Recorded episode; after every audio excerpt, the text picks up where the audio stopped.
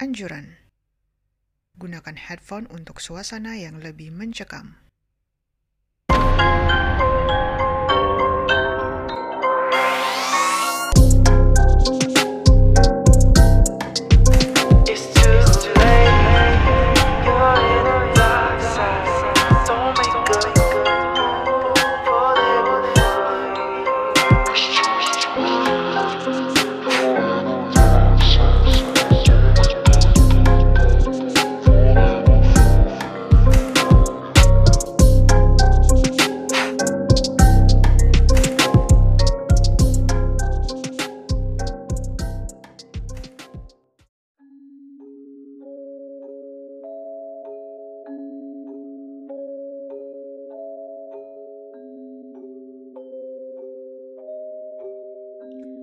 Sekitar bulan pertengahan Januari, tepatnya di malam minggu, gue sama pacar gue Mira main ke salah satu mall di kawasan Jakarta Selatan. Kami berdua niatnya nonton bioskop aja. Kebetulan juga udah lama banget kami nggak nongkrong di mall itu. Habis maghrib kami sampai di mall, pengunjung rame banget karena malam minggu. Banyak orang yang hangout itu.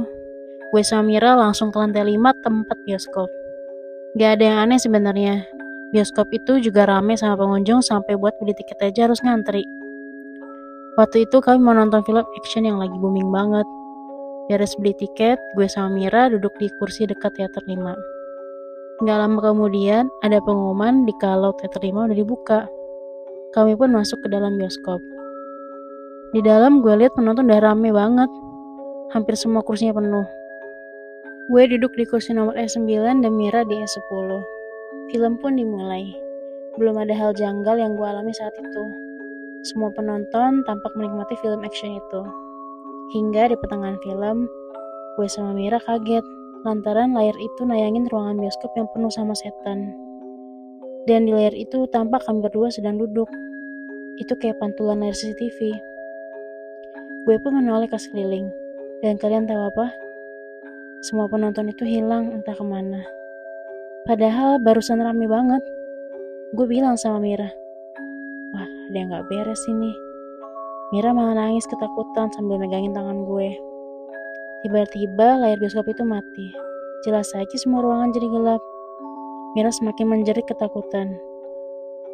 Gue coba nyalain santer HP. Pas gue arahin ke wajah Mira, yang tampak di samping gue udah bukan Mira. Tapi sosok wanita yang wajahnya rusak parah kayak abis disayat pakai silet. Jelas saja gue tidak ketakutan. Gue bangun dari kursi bioskop sambil manggil-manggil Mira. Dia hilang gitu aja entah ke mana. Segera gue lari ke arah pintu keluar. Tapi anehnya pintu itu hilang. Yang ada hanya tembok. Padahal jelas-jelas gue sama Mira tadi masuk lewat pintu itu. Gue teriak minta tolong. Tapi nggak ada satupun yang denger. Layar bioskop itu tiba-tiba nyala lagi. Kali ini nggak nayangin film action. Tapi kayak adegan pemerkosaan dan pembunuhan. Gue denger di bangku penonton suara ramai orang yang tepuk tangan, tapi nggak ada siapa-siapa di sana. Terus entah dari mana sumber suara itu, gue dengar suara Mira teriak-teriak minta tolong. Gue lihat dia ada di bangku penonton sambil nangis. Segera gue datangin terus gue gendong Mira. Untungnya pintu keluar muncul lagi. Buru-buru kami berdua keluar dari bioskop itu. Pas kami berhasil keluar itu udah jam 2 pagi. Ada satpam yang nolongin kami. Kata satpam, bioskop itu udah lama tutup. Karena ada pembunuhan terhadap staf bioskop di sana.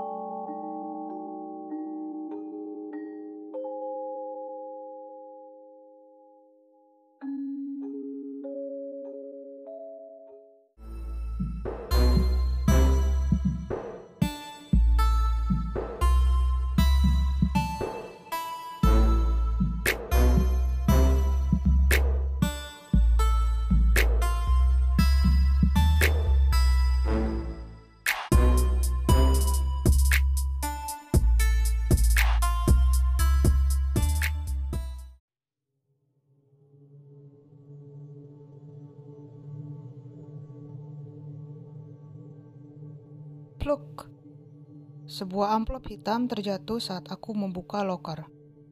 Aku memungut amplop itu lalu mengambil buku fisika. Aku melangkah di koridor yang masih sangat lengang. Aku masuk ke dalam sebuah ruangan bertuliskan XB, lalu duduk di bangku paling depan. Srek. Aku merobek amplop hitam tersebut, lalu mengeluarkan selembar kertas.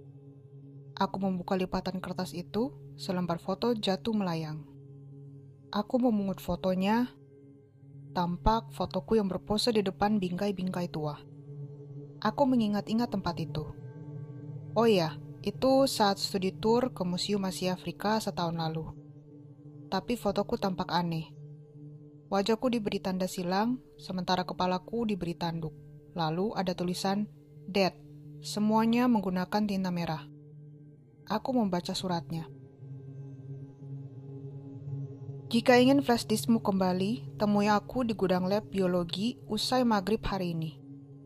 Jika kamu tidak datang, kotak flash diskmu akan kubuka paksa dan seluruh rahasia yang ada akan kubiarkan menyebar cepat di sekolah kita.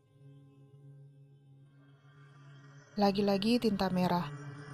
Keringat dingin mengalir di pelipisku. Flash diskku? Ah, kan kusimpan di loker.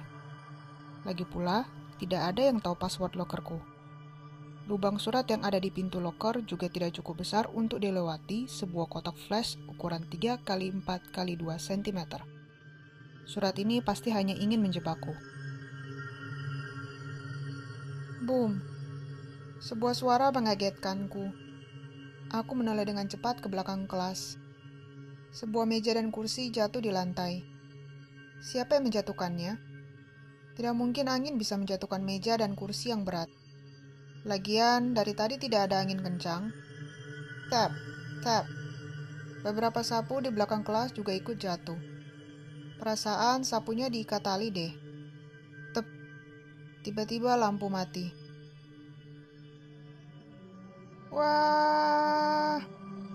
Spontan aku berlari keluar kelas. Beberapa murid tampak bingung memperhatikanku. Aku berhenti di depan kursi taman sekolah sambil ngos-ngosan. Lika, kamu kenapa? Tanya Fanya yang duduk di kursi taman bersama Indri. Itu, itu, di kelas. Ujarku terbata-bata. Nih, minum dulu. Indri menyodorkan sebotol air mineral. Glek, glek, glek. Aku meminumnya dengan cepat. Atur nafasmu dulu. Saran Indri. Tadi di kelas seram banget. Meja, kursi, dan sapu jatuh sendiri. Lalu tiba-tiba lampu mati. Pokoknya serem banget. Aku takut. Ujarku. Ah, masa sih? Paling itu cuma halusinasimu aja. Ujar Fanya tak percaya. Sekarang, ayo ke kelas. Intri menarik tanganku diikuti yang lain. Sepuluh langkah lagi kami akan sampai di kelas. Tunggu, aku Takut. Aku menyetop ketiga temanku. Udah, gak apa-apa. Percaya deh. Panya meyakinkanku. Ayo masuk. Panya melangkah masuk, kami mengikutinya. Tuh kan, gak ada apa-apa. Ujar Indri. Memang tak ada apa-apa. Kelas masih seperti biasanya. Meja dan kursi tak ada yang terjatuh. Sapu masih di tempatnya semula, Lampu juga terang benderang. Aku seolah tak percaya dengan kejadian tadi. Semuanya seperti mimpi. Pulang sekolah, aku mengecek lokerku. Tit, tit, tit. Aku menekan kode-kodenya. Setelah terbuka, aku mengacak-acak isinya. Seketika tubuhku lemas. Surat tadi pagi benar. Flashdisk dan kota pengamannya milikku lenyap. Padahal banyak rahasia dalam flash disk itu. Mama, aku pulang. Ujarku sore itu. Jam menunjukkan pukul 15 lewat 15. Ah, sayang. Sudah makan siang? Belum, mah. Tadi waktu istirahat gak ke kantin karena nyari bahan tugas ke perpustakaan. Makan dulu ya. Mama udah masakin sup makaroni dan udang goreng ketepung. Ma, nanti jam 5 sore aku balik ke sekolah. Soalnya nanti malam ada pesta perpisahan murid kelas 12, Ma. Iya, makan dulu, Gi. Usai mandi sore, aku bersiap-siap. Aku memilih baju bermodel gotik karena tema pesta perpisahannya adalah The Ghost Night. Aku memakai baju terusan sebawa lutut warna hitam dengan gambar tengkorak putih metalik dengan bawahan legging putih bermotif tengkorak hitam. Aku juga memakai kardigan berbahan denim atau jeans dengan lengan di bawah siku. Aku menguci rambut model ekor kuda dan memakai bando hitam dengan hiasan tengkorak putih. Aku memakai flat shoes warna putih dengan pita hitam. Pukul 5 sore tepat, aku memacu motorku menuju sekolah. Di sana beberapa orang sudah datang. Indri, teriakku. Eh, Alika, ke aula yuk. Indri menghampiriku. Usai sholat maghrib, aku teringat surat tadi pagi. Aku bertekad akan meladeni surat itu. Aku berniat meminta temanku menemani, tapi dari tadi aku mencari mereka, tak satu pun tak kelihatan batang hidungnya. Akhirnya aku berjalan lunglai menuju gudang lab biologi. Badanku gemetaran. Keringat dingin mengusur deras dari pelipisku. Sampai di depan lab biologi, aku mematung. Di sana sangat gelap dan sepi. Suara jangkrik berderik menambah seram suasana. Belum lagi pohon bambu di samping lab biologi yang berdiri tertiup angin. Kriet. Sebuah suara mengagetkanku. Aku tersentak kaget. Sebuah bayangan hitam berkelebat di jendela lab biologi. Aku melangkah mundur. Perlahan-lahan, aku membuka pintu gudang lab biologi. Aku masuk dan membiarkan pintu terbuka. Setelah aku berjalan beberapa meter, plam, tiba-tiba pintunya tertutup sendiri. Aku berteriak kecil. Aku berusaha membuka pintu itu, tapi usahaku sia-sia. Pintu itu terkunci dan artinya aku terkurung. Aku menghidupkan lampu tapi tak bisa. Wajar saja, gudang itu sudah lama tak digunakan. Jadi, pantas saja lampunya putus. Aku meraba-raba di dalam gelap. Tiba-tiba, sebuah kemocong menggelitik kakiku. Aku kembali menjerit. Boom, boom, boom. Sebuah suara kembali mengagetkanku. Buku-buku di rak terjatuh ke lantai. Nyaliku mulai ciut, bajuku sudah basah oleh keringat. Aku mengedor-gedor pintu sambil berteriak minta tolong. Tiba-tiba sebuah amplop melayang di kakiku. Aku merobek amplop bergambar sosok wajah yang sangat menyeramkan berwarna merah itu dan merogoh surat di dalamnya. Aku menyalakan blitz di HP-ku, tinta merah tampak membentuk sebuah kalimat. Keluarlah dan berjalanlah menuju kerimbunan pohon bambu di samping lab biologi. Kutunggu. Aku memutar ensel pintu. Entah kenapa pintu itu bisa dibuka. Dengan gemetar, aku berjalan menuju pohon bambu. Huar! Sekelompok orang yang berpakaian aneh-aneh dan bertopeng mengepungku. Aku berteriak. Mereka memegang tanganku dengan sangat kuat. Tolong, lepaskan aku. Aku mohon. Aku memohon pada mereka. Tiba-tiba mereka menarikku dengan cepat ke dalam kebun penelitian biologi. Happy birthday, Alika! Ujar orang-orang itu sambil membuka topengnya. Tiba-tiba lampu warna-warni hidup dan membentuk tulisan Happy Birthday. Aku memang ulang tahun hari ini. Tampak Indri, Fanya, Kaira, dan teman-teman sekelas. Kalian? Aku berdiri mematung. Aku seolah tak percaya. Happy birthday ya, ujar Indri sambil merangkulku. Kalian membuatku takut. Aku cemberut. Maaf, tapi kamu senang kan?